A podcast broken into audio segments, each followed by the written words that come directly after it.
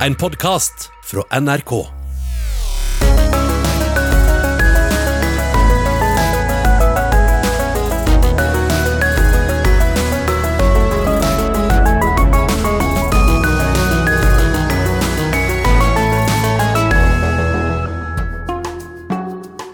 Han har brukt astronomiske summer på krisepakker til norsk næringsliv. Hun har testa billige pakkereiser for norske forbrukere. Finansminister Jan Tore Sanner og TV 2-programleder Solveig Barstad er dagens gjester i campingstolen.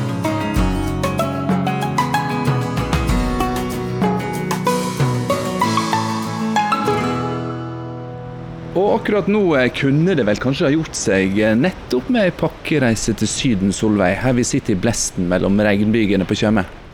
Ja, dette her er jo typisk norsk sommer, og det skifter, vet du. Så eh, vestlendingen i meg er jo selvsagt litt urolig for at dette litt ustabile været kommer for å bli. At liksom sola ikke kommer igjen, på en måte. For det kan jo skje på Vestlandet at det regner fra juni til, til jul.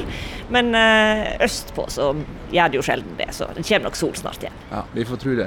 Jan Tore Sanner, velkommen òg til deg, finansminister ferierende på mor og fars hytte på Hvasser. Som for øvrig ligger i eh, Færder kommune etter ei sammenslåing mellom Tjøme og Nøtterøy. Jeg tror ikke vi skal begynne på det haraballet der, vi vil bare nevne det. Eh, ei kommunesammenslåing du sto bak. Og for øvrig ligger kommunen i Vestfold og Telemark fylke, så har jeg sagt det. Men vi må jo aller først eh, skunde oss til sakens kjerne, finansminister Jan Tore Sanner. Hvor mye penger har du brukt de siste fire månedene? Jeg tror nok jeg er den finansministeren som har brukt mest penger på kortest mulig tid. Og det skyldes jo at vi ble rammet av den mest alvorlige krisen i fredstid. Og vi gjorde det klart veldig tidlig at vi var villige til å bruke det som var nødvendig. Men hvor mye har du brukt, vet du det? Har du vi, har, vi, har, brukt over 180 milliarder kroner. Og i tillegg så er det jo svikt i skatteinntekter. Så det er gjort et stort innhogg i pensjonsfondet vårt. Men alternativet hadde vært veldig mye verre. Hvis ikke vi hadde brukt så mye penger som vi har brukt, så ville enda flere ha mistet jobben. Ville vi sett enda flere konkurser, og krisen ville vært mye dypere. Nå er vi heldigvis i den situasjonen at, at, det kan se ut til at vi har det verste bak oss. Og jeg sier kan, fordi at vi kan fortsatt få en ny smittebølge. Vi kan også bli rammet av den sterke nedgangen i resten av Europa. Så det er en tid som preges av usikkerhet. Du har altså brukt 180 milliarder kroner på fire måneder. Jeg tror et norsk statsbudsjett er 1000 milliarder, så da har du brukt om, lag snart kanskje en femtedel av et statsbudsjett. Hvordan er det for en finansminister som skal holde kontrollen, holde de andre statsrådene i øra, snakke om å stramme livreimer, måtehold, og så har du altså måttet skru opp alle kraner med en gang. Er det litt sånn naturstridig, nesten? Ja, det er egentlig det. fordi at Finansdepartementet skal jo passe på pengebruken. Men den situasjonen vi har stått i denne våren, det har ikke vært en normal situasjon. Det er den mest alvorlige krisen i, i, fredstid. Vi har vært igjennom oljeprisfall, vi har opplevd finanskrise, bankkrise. Men at vi måtte lukke hele Norge ned, det var en situasjon som ingen noen gang hadde stått i. Og da var det helt nødvendig. Da var det nødvendig å bruke mye penger så folk kunne få trygghet i hverdagen, de som mistet jobben. Vi var jo oppe i nesten 300 000 permitterte. Eh, mange som har bygget opp bedrifter, så at livsverket deres kunne falle i, i grus. Eh, og da er det riktig og nødvendig å bruke penger, skape trygghet. Men så må vi jo etter hvert ta pengebruken ned igjen. Ekstreme situasjoner krever jo ekstreme tiltak, og 180 milliarder av fellesskapets gode på fire måneder er jo et ekstremt tiltak. Jeg tenker på at du framstår jo som en, som en veldig sånn, hva skal jeg si, kontrollert, nøktern, rolig person. Er du litt glad for at det var du som satt i Finansdepartementet da det smalt? Jeg tror det er mange som kunne gjort den jobben, men det jeg er veldig glad for, det er at jeg har mye erfaring. For det å, det å, oppleve en sånn ekstrem usikkerhet, da er det viktig å, å ha erfaring, vite hvordan du skal bruke embetsverket, få frem beslutninger. også ta eh, beslutninger er viktig. Eh, og vi la jo frem en krisepakke nesten i uken. Nesten hver uke la vi frem en, en, krisepakke, og det er saker som Finansdepartementet normalt sett ville ha brukt et halvt til ett år på hver av disse eh, pakkene. Men vi måtte da sørge for å se hvilke problemer er det vi skal løse. Eh, vi hadde tett kontakt med eh, Næringslivets hovedorganisasjon, med Virke, med LO, med enkeltbedrifter. For å vite hva er utfordringen, sørge for å få pengene ut. Og så måtte embetsverket, som er eh, veldig kvalifiserte, veldig dyktige folk, sørge for at tiltakene ble kvalitetssikret så langt det var råd. Vi skal snakke mer om akkurat det der med kvalitetssikring litt senere. Solveig, siden vi nå er litt inne på hvordan han har stått i denne krisa. Du har jo forhåpentligvis vært en av de som har vært tettest på han. Hvordan har dette alvoret preget din mann og landets finansminister? Jeg er ikke så sikker på om jeg er den som har vært tettest på han i disse ukene. For han har jo ikke vært hjemme. Han har jo jobba Altså, det å være statsråd det er jo ikke en ni til fire-jobb, det er mer en ni til ni-jobb sånn i det vanlige. Og når du får en sånn ekstremsituasjon som det her, da er det hver eneste dag, eh, fra tidlig morgen til ja, tidligere så var det jo langt på natt. Sånn at, uh, at, Men har han vært prega av alvoret? Har du liksom sett det på han? Ja, ja, han har ikke tatt lett på det her, nei. Har ikke det. Og så har det vært ekstremt mye jobb. ikke sant? Så på et tidspunkt så var jeg litt bekymra for at man både fikk tid til å spise mat og om det ble nok søvn. For jeg mener at nok søvn må alle folk ha. Men, uh, men, uh, så det var ekstremt særlig i starten. Men, men så har det jo gått seg mer til. Det er klart um, det var, det var jo alvor, sant. Og det angår jo som hverdagen og livet til så mange folk. Ja, og alvoret, det er jo verdt å minne oss på at alvoret er jo ikke over, selv om vi, mange av oss kanskje kjenner at det verste kan være forbi. Jan Tore Sanner, i en krise så må en handle raskt, og så må en handle klokt. Eh, og kloke valg er ofte gjennomtenkte, det er klare prioriteringer som ligger bak. Dere har skunda dere voldsomt. Eh, hvordan har det vært å gå riktig fram, samtidig som store deler av det norske samfunnet har sittet som sultne fugleunger og skreket på krisepakker, alt fra frisørlaug til oljebransjen? Vi valgte veldig tidlig å dele opp krisehåndteringen i det vi kalte for tre faser. Eh, det var den første akutte krisen. Eh, det var på det tidspunktet hvor bedriftene opplever at eh, inntektene uteblir, men kostnadene, for, for, eh, kostnadene, løper. Da måtte vi sørge for utsettelse av innbetaling av skatter og avgifter. Vi fikk på plass en kontantstøtteordning. Neste fase handlet mer om å sikre at eh, bedriftene holder seg flytende gjennom, eh, gjennom krisen. Eh, og nå er vi over i det vi kaller for fase tre, som er Norges vei ut av, ut av krisen. Men, men, det er som du sier at, at, vi er fortsatt i en veldig usikker situasjon. Vi kan oppleve at smitten tar seg opp igjen. Mange bedrifter kommer til å slite også i tiden som, som kommer. Eh, men da handler det om å eh, jobbe godt sammen med embetsverket. Eh, og også ha gode folk rundt seg. Jeg har en politisk ledelse i Finansdepartementet hvor alle har lang erfaring. En av dem, Kari Ollerud Moen, hun satt i, i, i, DNB under finanskrisen og så det mye fra, fra den siden. Og Det å jobbe tett sammen, men også kunne ta beslutningene og drive de fremover, det er også helt nødvendig i en slik krisesituasjon. Dette er sommerserien To i campingstol på NRK P2, som i dag har finansminister Jan Tore Sanner og kona Solveig Barstad, kjent fra TV 2 Hjelper deg, som gjester. TV 2 Hjelper deg har i ti år fortalt seerne om deres retter som forbrukere, og gjennomført populære tester av alt fra vaffeljern til sydenreiser. Alt fronta vennlig, men bestemt av deg, eh, Solveig Barstad. Poenget er, Solveig, med å introdusere deg på den måten. Hva tror du bråstoppen i samfunn og næringsliv og eh, for oss forbrukere, hvordan vil det påvirke oss som forbrukersamfunn, tror du? Jeg vet ikke, på, på, kort sikt så har det jo ført til at vi har kutta forbruket vårt kraftig på enkelte områder, samtidig som jo forbruket har gått opp på andre ting. Jeg tror hagesentra lever herrens eh, glade dager. Eh, men det kan jo være at vi tenker oss litt mer om når det gjelder å reise langt. Jeg tror vi kommer til å være litt redde for det en god stund framover. Selv om vi får lov til å reise, så kommer vi til å være mer forsiktige. Så tror jeg òg at flybilletter kommer til å bli dyrere. Eh, som jo kan kanskje begrense litt eh, hvor mye og hvor langt eh, vi reiser. Men om det er sånn at når dette går over, at vi liksom glemmer alt sammen og går tilbake til det gamle forbruket, det er jeg sannelig ikke helt sikker på.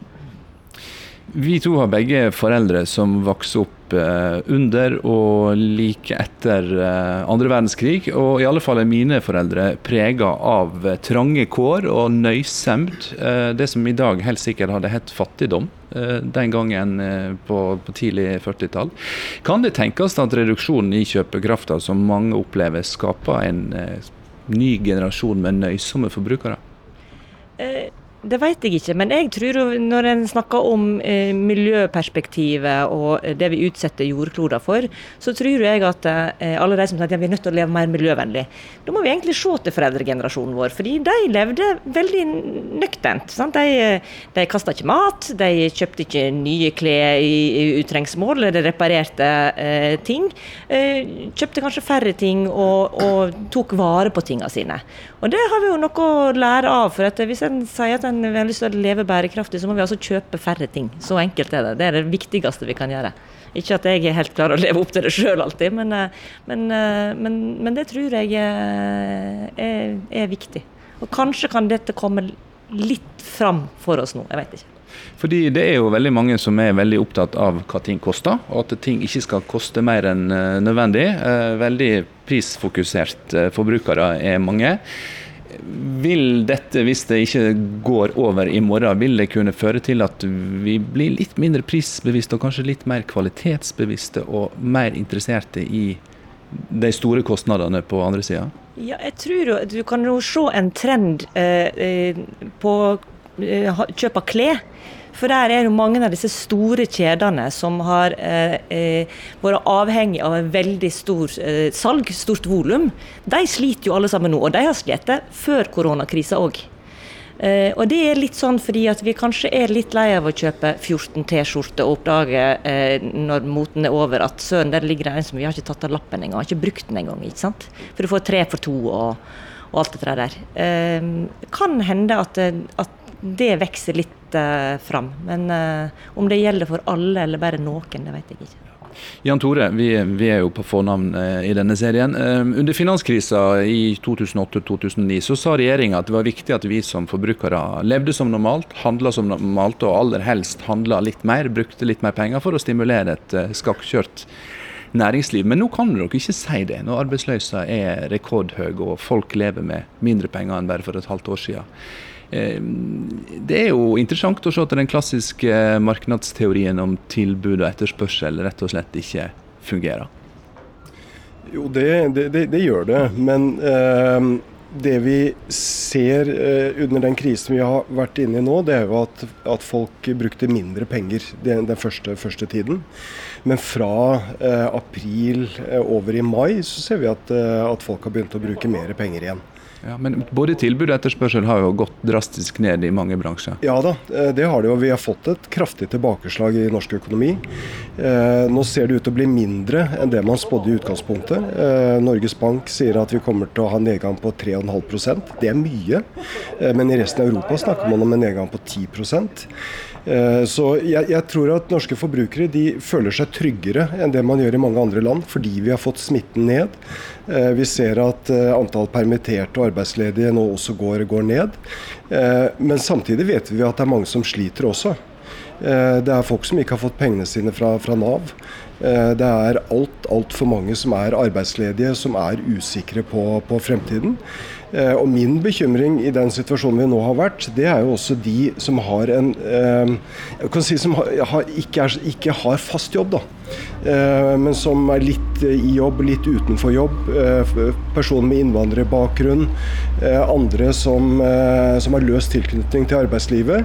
Det er en fare i en krise for at, at du støter folk ut, og at veien deres tilbake til arbeidslivet blir veldig lang. Så, så Derfor så er noen av de viktigste tiltakene vi nå også iverksetter, det handler om, om, inkludering i arbeidslivet. Sørge for at folk kan komme tilbake i jobb. Og Så har du ungdomsgenerasjonen situasjonen, ikke sant? hvor mange har mistet eh, verdifull skoletid.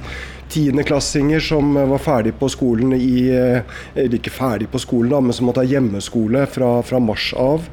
Du har ungdom som, er, som, står i fare for å droppe ut av videregående skole. Det er mange av de spørsmålene som også har opptatt meg mye. Ja, arbeidsliv viktig, bedrifter viktig, men også alle de enkeltmenneskene som, som kan tape i en sånn situasjon. Fra venstresida i politikken eh, er det flere stemmer som har sagt at koronakrisa viser at det er helt avgjørende viktig med en sterk offentlig sektor i Norge. Hva tanker har du gjort deg om det? Ja, Det er det heldigvis bred enighet om i eh, alle de politiske partiene. Vi har en sterk offentlig sektor i Norge. Men Høyre har ment at den kanskje er litt for sterk, og at den også kunne ha trengt å slankes litt. Men nå, nå, er det på en måte det som har berga oss alle sammen? Ne? Ja, altså vi, vi, har i Norge en sterk offentlig sektor. Det som har vært eh, vårt poeng, er at vi trenger private bedrifter som kan finansiere offentlig velferd. Eh, vi trenger en blanding av en sterk offentlig sektor, et sterkt godt offentlig helsevesen og gode, gode skoler. Eh, og tusen takk til alle de som har, har, stått på under koronakrisen. De som virkelig fortjener en takk, er jo de som jobber i helsevesenet, som jobber i butikkene, alle de som har stått på oss i Nav og andre sektorer. Men vi, vi, trenger, vi trenger private bedrifter for å finansiere offentlig sektor. Og det er jo privat næringsliv som nå virkelig har fått trøkken. Det er jo alle de som, eh, som, har, som, eier og driver private bedrifter, de som jobber i privat næringsliv, som jo har mistet jobben sin. Og så er det, er det jo staten og fellesskapets penger, oljepenger, som har redda både bedrifter og, og oss eh, som eh, ble uten arbeid en periode. Hvordan har det vært for en høyremann som deg å føre en så klassisk sosialdemokratisk politikk? Jeg vil ikke kalle det verken sosialdemokratisk eller, eh, eller høyrepolitikk. Sosialdemokratene er det. Jo, men, men, dette er, men, dette er, krisehåndtering. Dette er en krisehåndtering som du ser over hele verden. Men når vi nå skal ut av krisen, så er det som er viktig for meg, er jo at vi da satser eh, på kunnskap. Eh, at vi også bruker denne krisen til å komme bedre ut, komme styrket ut som nasjon. Da må vi satse på kunnskap, da må vi sørge for at vi har et sterkt privat næringsliv. Da må vi satse på inkludering og integrering, slik at vi får flere tilbake i, i, i jobb. Så du vil nok se normalisering også i den politiske debatten, men krisehåndtering er krisehåndtering. Krisepakker og pakkereiser er blant temaene jeg snakka med finansminister Jan Tore Sanner og TV 2-programlederen Solveig Barstad om i dagens vindfulle utgave av To i campingstol. Solveig, vi skal tilbake til forbrukerperspektivet. og Vi skal ta tak i dette med tilbud og etter, etterspørsel. Ehm, fordi eh, nå har det jo vist seg eh, at Kina, eh, som er en gigantisk produksjon av masseproduserte billige varer, også kan bli slått ut av en pandemi. Og dermed så stopper store deler av verdenshandelen opp. Som forbrukerjournalist, tenker du at det kanskje nå er dags at vi, vi må legge om litt, og ikke være så avhengig av enkelt produksjonsland? Ja, dette er jo en lang eh, eh, rekke med eh, komponenter som skal inn i en eh, mobiltelefon eh, f.eks. Og jeg vet ikke om det er mulig engang å tenke seg at, eh, at en skal kunne gjøre seg helt uavhengig av Kina. Det tror ikke jeg går an. Men det er klart at det at eh, en skal prøve å finne en bedre balanse mellom måte det vi produserer sjøl og eh, det vi henter andre plasser ifra, det er nok sikkert eh, kanskje en retning å gå i. Men at, verden, at vi er avhengig av hverandre i verden, det tror jeg ikke er mulig å komme vekk ifra. Nei, men hvis vi skal bli mindre avhengig av lavkostland da, og, og begynne å få produsert Da må vi betale mer, det er det du er fram til? Nettopp. Og da er spørsmålet, er vi villige til det? Og vi som samfunn? Ja eh, og nei. Jeg, jeg, jeg, kan tenke meg at vi kan være villige til å betale mer for en del ting, særlig hvis det går an å få reparert ting. For sånn som det er nå i dag, da, hvis du eh, har problemer med telefonen din og går eh, og reklamerer på det, så det, ender du som regel opp med en, en, ny telefon fordi det ikke blir reparert. Og det komiske er jo forbrukerkjøpslova. Det var lenge en veldig lang krangel om En lang krangel om eh, er det to år eller fem års reklamasjonsrett på en mobiltelefon. For ti år siden var det en stor diskusjon. Og Da mente, eh, endte det opp med at det ble slått fast at jo, det er faktisk fem år reklamasjonsrett på en mobiltelefon. Men det er det ingen som prøver seg på. Altså Det er ingen som går inn og sier at jeg, det er feil på den telefonen. Fordi du blir ikke møtt uh, på at det er mulig å reklamere engang. Og som forbrukere så er ikke vi bevisst nok på det heller. Vi vil helst ha en ny. Så det er klart at akkurat den der eh, eh, forbruksmønsteret vårt, det tror jeg hver og enkelt av oss må gå i oss sjøl og på en måte prøve å finne litt ut av. Men, men det handler òg om at når du kommer og skal prøve å få reparert noe, så er det ingen som, ingen som kan, kan, det lenger.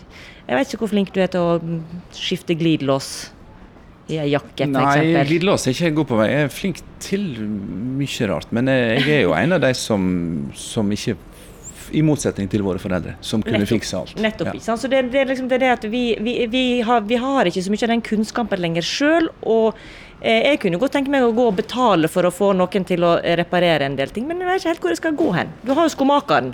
Heldigvis finnes det noen skomakere igjen fremdeles.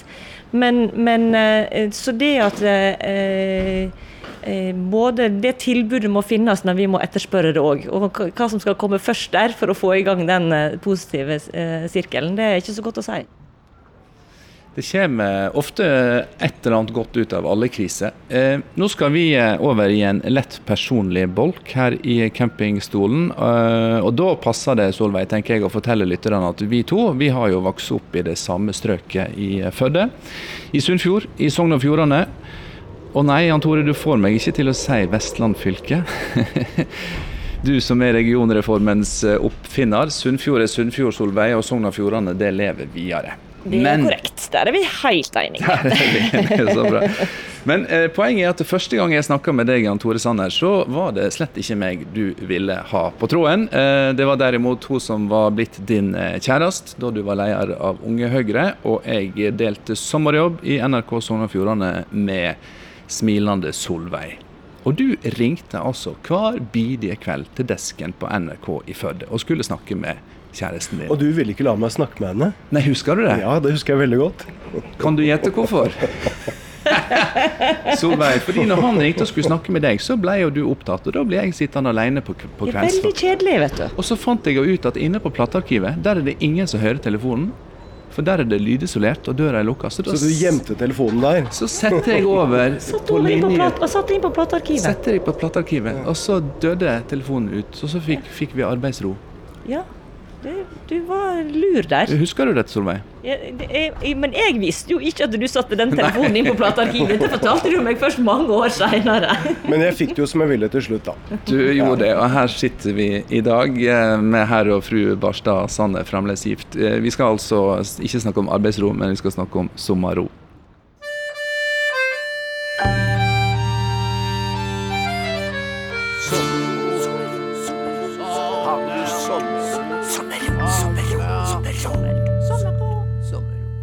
Hei, campingstolen. Det her er Henning Sommerro. Jeg lurer på hvordan du finner sommerroen? Ja, si det.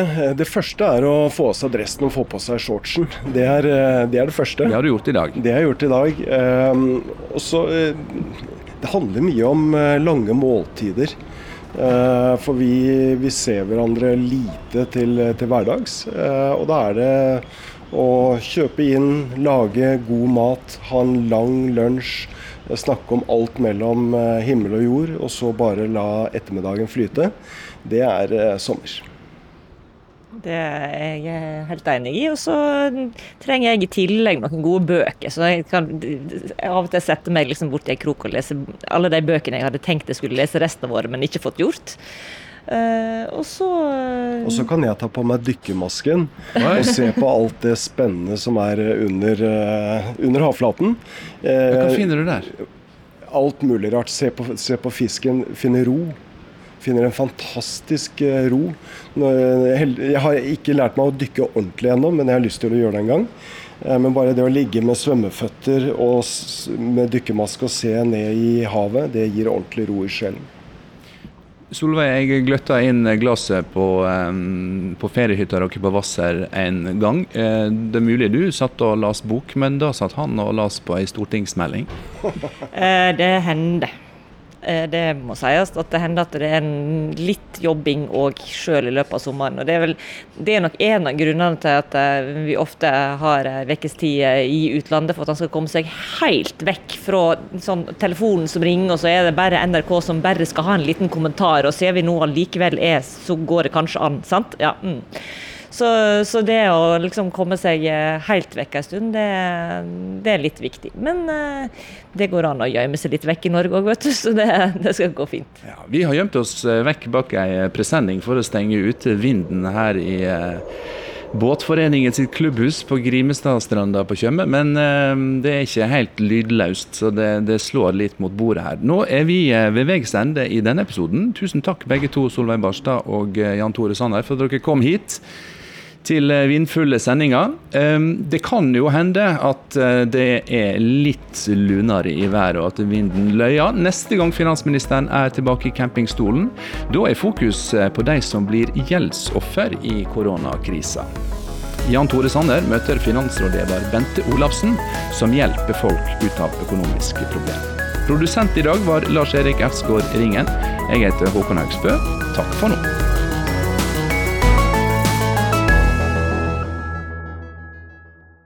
Du har hørt en podkast fra NRK. Hør flere podkaster og din favorittkanal i appen NRK Radio.